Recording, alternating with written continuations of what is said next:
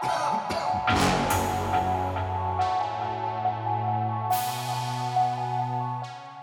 posle.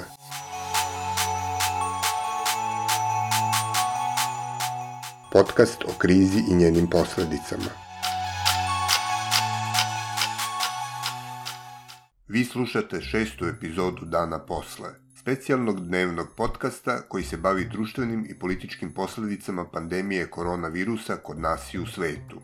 Rukovodstvo južnokorejske kompanije Jura pozvalo je zaposlene u sve tri svoje srpske fabrike da se danas vrate na posao, nakon što je pre nedelju dana iz sanitarnih razloga u njima prekinuta proizvodnja. Poziv im je stigao uprkos činjenici da je u Leskovcu kod jedne njihove koleginice potvrđen koronavirus, da je još osmoro testirano, a da je za daljih 74 zaposlenih izdata naredba da se samoizoluju. Gradski štab za vanredne situacije preporučio je da se rad u potpunosti obustavi, ali su se iz firme pozvali na neodložne poručbine i kratke rokove isporuke. Ovo nije prvi put da Jura rizikuje zdravlje svojih zaposlenih za vreme pandemije. Nedugo pre prekida proizvodnje, a posle proglašenja vanrednog stanja u Srbiji, radnici njihove fabrike u Nišu su preko potrebne maske i dezinfekciona sredstva dobili tek posle jednosatnog štrajka – Jutros se nekoliko stotina radnika prve smene Jurinog pogona u Rači okupilo u krugu fabrike i odbijaju da uđu u halu dok se ne reši pitanje zaštite od koronavirusa na radnom mestu. Dosta je raširena strepnja da položaj radnika, čija su i onako skromna prava u vanrednim uslovima dodatno ugrožena, može samo da se pogorša jednom kad se epidemija završi. Drugi se pak nadaju pozitivnoj promeni i očekuju da će svetu upravo ova kriza pokazati da profit ne može i ne sme da bude iznad ljudskih života. O radnim pravima danas i posle pandemije razgovarali smo s Marijom Riljanovićem, naučnim saradnikom na Institutu za uporedno pravo.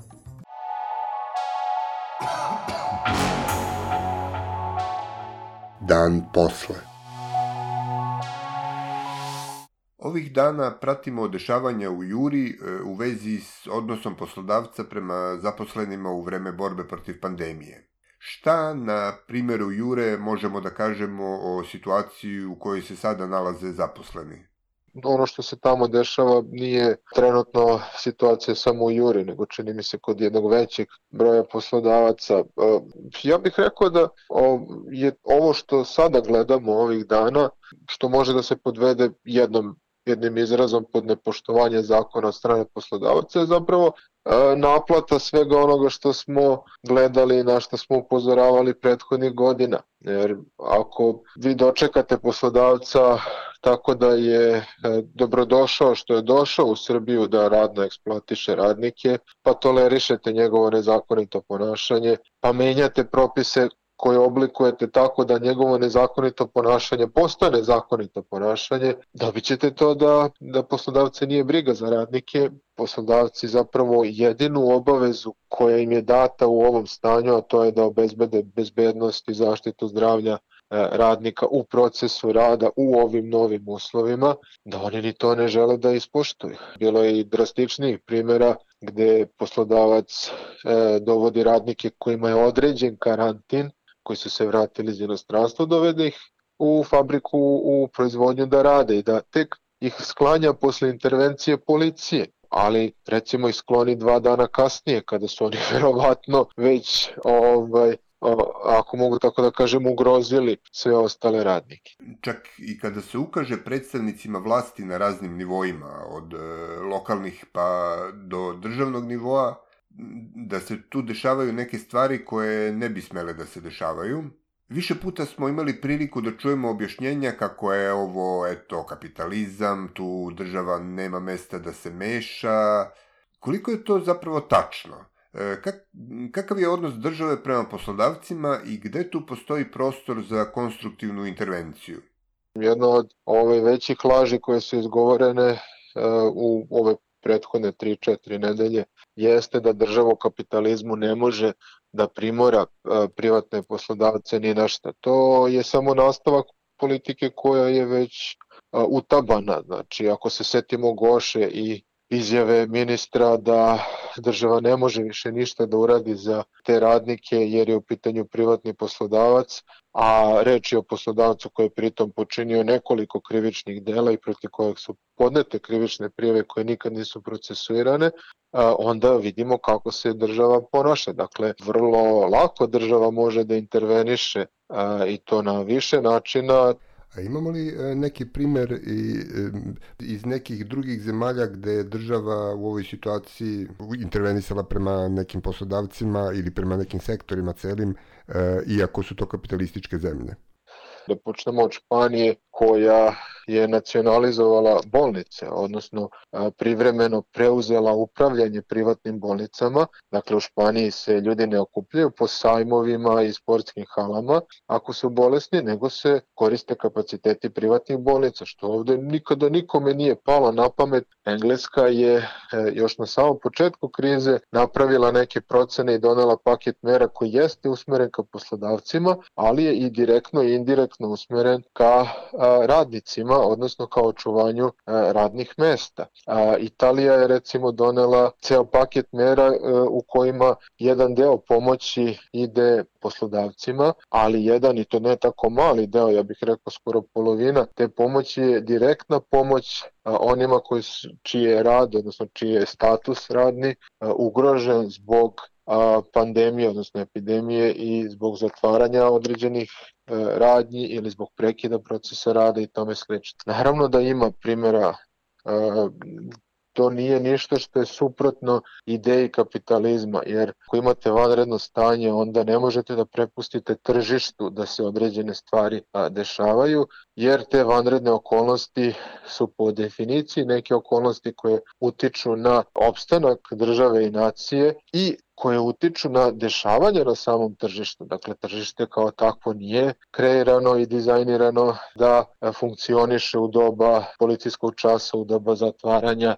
određenih delatnosti potpuno ili delimično E sad, u, u ovoj situaciji neki su prešli na rad kod kuće, a, a neki to prosto nisu mogli. Neki rade na radnim mestima koje su po prirodi e, smeštena na polju ili se dešavaju u, u e, kontaktu sa nekim ljudima i, i strankama. Kako su ti radnici zaštićeni e, i što se tiče bezbednosti i što se tiče radnih prava? Pa ti radnici bi trebalo da budu zaštićeni, pre svega u smislu da se sama organizacija rada bude takva da oni minimalno dolaze u kontakt sa drugim osobama, da imaju obavezno sredstva zaštite, ako ništa drugo masku i ovaj, rukavice u ovoj situaciji. Poslodavac mora da im obezbedi i ovaj bezbedan dolazak na posao i odlazak sa posla. Obaveze poslodavca su jasne ali mi se čini da a, ni sami poslodavci to ne mogu da izvedu bez neke podrške države. Mi smo imali u prvim nedeljama ove krize situaciju gde poslodavac želi da opremi svoje radnike, ali ne može da dođe do ovaj maski i rukavica. Vlada je tokom vanrednog stanja e, donela neki paket mera pomoći privredi, e, u okviru kojih su i neke mere i preporuke namenjene poslodavcima kako bi, kako bi se smanjio pritisak e, na radnike. Kakav je realan doseg i efekat tih mera? Za mnoge mere stoji samo neko najopštije obrazloženje za koje nije jasno kako će se, a nije jasno ni kada će se one realizovati. Čuli smo objašnjenje da će neke od njih biti realizovane tek u maju mesecu, što poslodavcima koji ne rade, a žele da zadrže radnike, ništa ne znači, jer će ti radnici ili biti dva meseca bez zarada, ili će uh, poslodavac ipak morati na neki drugi način da uh, ih, ih zbrine ili ne zbrine neplaćenim odsustvom ili kršenjem zakona jednostavno sve otpusti. Mera recimo uh, vladina koja kaže uh, preduzetnicima mikro malim preduzećima će biti isplaćeno za svakog zaposlenog radnika E, bit će isplaćene tri minimalne zarade koje će ići tim radnicima. I sad ako imamo poslodavca koji radi normalno, koji ostvaruje profit i koji želi da isplati punu zaradu, ne minimalno, nego punu zaradu svojim zaposlenima, šta će taj poslodavac raditi uh, sa tim novcem? Da li će on isplaćivati zaradu i odbiti pomoć države. Da li će ta pomoć države biti direktno isplaćivana radnicima, pa onda radnik dobije osim zarade još i minimalnu zaradu, ili će jednostavno poslodavci čekati da dobiju tu pomoć i ako imaju para da isplate zarade, neće isplaćivati zato što će se pozivati na neku tu vladinu odluku i reći ja čekajte vama za ova tri meseca slede minimalna zarada. Dakle, jedna vrlo na izgled jednostavna mera, ajde da pomognemo poslodavcima da prespoje ovaj period, je e, vrlo komplikovana i vrlo komplikovano može da se tumači na različite načine ako nemamo taj neki okvir u kome će ona biti realizovana. Čini se da će veliki deo tog novca otići na onima kojima ne treba. Sa druge strane je u potpunosti zanemareno e, čitav jedan deo e, koji se odnosi na socijalno ugrožena lica e, i koji se odnosi na različite radnike koji nisu zaposleni. Dakle, sve ove mere se odnose samo na zaposlene. Tu nema ovaj, oni koji rade honorarno, tu nema onih koji rade na crno, tu nema onih koji rade na privremenim i povremenim poslovima, a takvih ljudi a, ima relativno mnogo u Srbiji. Tako da ovo za sada ne deluje ovaj baš a, dobro i čini mi se da je usmereno ka tome da zapravo najveći teret krize a, podnesu radnici, a da se poslodavci čuvaju i probaju da se očuvaju po svaku cenu. Kako uopšte u ovoj situaciji može da se zaštiti neki radnik ili radnica e, koji smatraju da su im ugrožena prava i, i, ili bezbednost?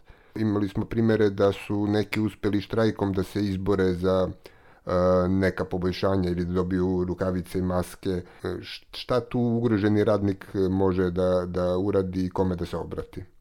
E, najpre, jako je važno da iako se zakon o radu naravno postoji i primenjuje se na isti način kao što se primenjivo i pre vanrednog stanja, jako je važno naglasiti da tu postoje i neki drugi zakoni, zakon o zaštiti stanovništva, o zaštiti stanovništva od zaraznih bolesti, recimo, tako da osim inspekcije rada koja jeste nadležna, radnik može da se obrati i sanitarnoj inspekciji, a može da se obrati kao što je bio slučaj sa poslodavcima, sa pardon, radnicima kod kojih je poslodavac kršeći karantin dovodio ovaj, dakle, radnik iz karantina, može da se obrati i policiji, to je uprava za vanredne situacije, a, ukoliko smatraju da se krše mere koje su vezane za zabranu kretanja. E, tako da to su neke tri adrese koje su na raspolaganju radnicima. A ono što sam ja primetio čisto iz e, informacije koje dolaze ovih dana do mene,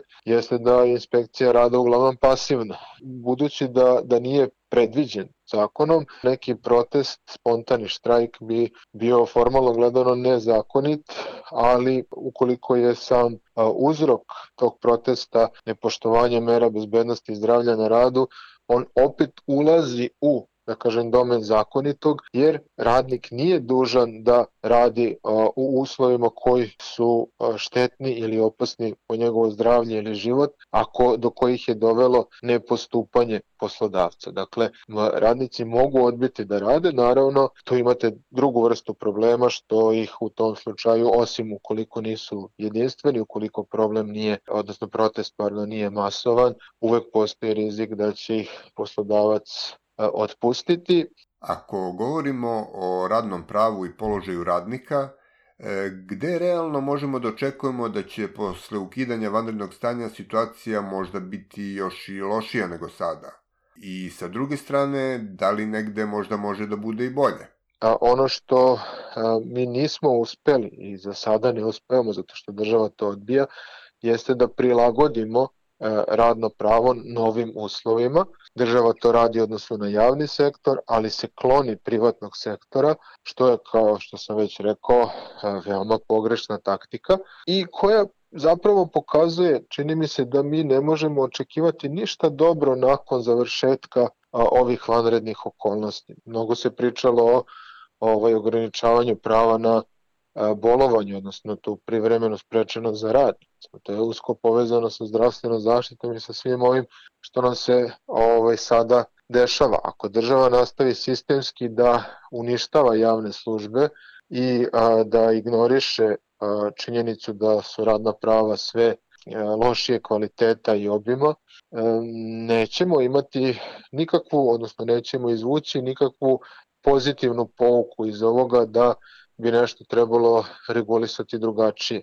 A, niko nije tražio mišljenje sindikata za usvajanje ovih mera, što je nezamislivo u jednoj zemlji, dakle makar ovih reprezentativnih sindikata, tako da ne treba očekivati promene na bolje, ne treba očekivati naučene lekcije. Mislim da su vrlo, vrlo loši đaci na vlasti i da će oni uporno i dalje ignorisati to što se sada dešava i da će nastaviti tu politiku, to ja ga zovem predatorski kapitalizam. E sad, zamislimo e, sad jednu hipotetičku situaciju da dobri đaci dođu na vlast posle uh, ukidanja vanrednog stanja, da se formira neka vlada nacionalnog spasa i da u toj vladi Mario Redanović bude ministar rada. Koje bi bile prve mere takve vlade? Prvi potez bi bio da vidimo da li mi želimo da promenimo neke politike i da li postoji podrška o drugih ministara, najpre ministra financija i ministra privrede, e, da do, na, nađemo ovaj snagi da napravimo zaokret u tim politikama. Jedna organizacija, Centar za dostojanstven rad koji ja pripadam, trenutno radi na modelu alternativnog zakona o radu. To praktično znači da e, ćemo mi, jedna grupa od desetak ljudi koji su stručni za radno pravo, e, isporučiti javnosti, dakle sindikatima i svima koji žele da čitaju, alternativni zakon o radu koji bi e, u bukvalnom smislu mogao da se implementira u sadašnji postojeći sistem bez ikakvih problema. Ono što shvatite kada pišete takav tekst jeste da zakon o radu čak i najbolji na svetu, najkvalitetniji po radnike na svetu nije dovoljan e, da njegovi efekti neće biti dovoljni jer su potrebne promene i u socijalnoj politici, u investicionoj politici i možda čak i najvažnije u poreskoj politici. E, ako e, vi kažete kao država pa mi ne možemo da utičemo na to koliko poslodavac plaća svoje radnike, to je tačno ali kroz progresivno oporezivanje vi možete da štitite male poslodavce i one koji lošije posluju, one koji bolje posluju poslodavce, da stavite pred izbor e, da li će dati veliki deo svog profita e, državi na ime poreza ili će dati, umanjiti svoj profit time što će poboljšati uslove rada zaposlenima, odnosno povećati zarade zaposlenima. A veliki broj poslodavaca će u tom e, sistemu se odlučiti za ovo drugo, dakle da investira u svoje zaposlene jer je srećan zaposleni i kvalitetan zaposleni.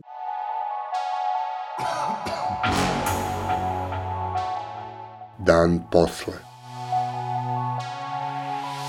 Bila je ovo epizoda dana posle za 7. april 2020. godine. Sledeću epizodu s novim sagovornikom moći ćete da čujete već sutra. Predržavajte se mera zaštite od koronavirusa, čuvajte svoj i tuđe živote i ne ćutite pred glupošću i nepravdom.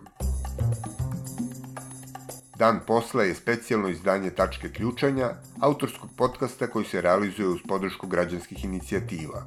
Redakcija Ilir Gaši, Tara Petrović i Aleksandar Gubaš. Urednik i voditelj Aleksandar Gubaš. Muzika Zeifol i Ben Sound.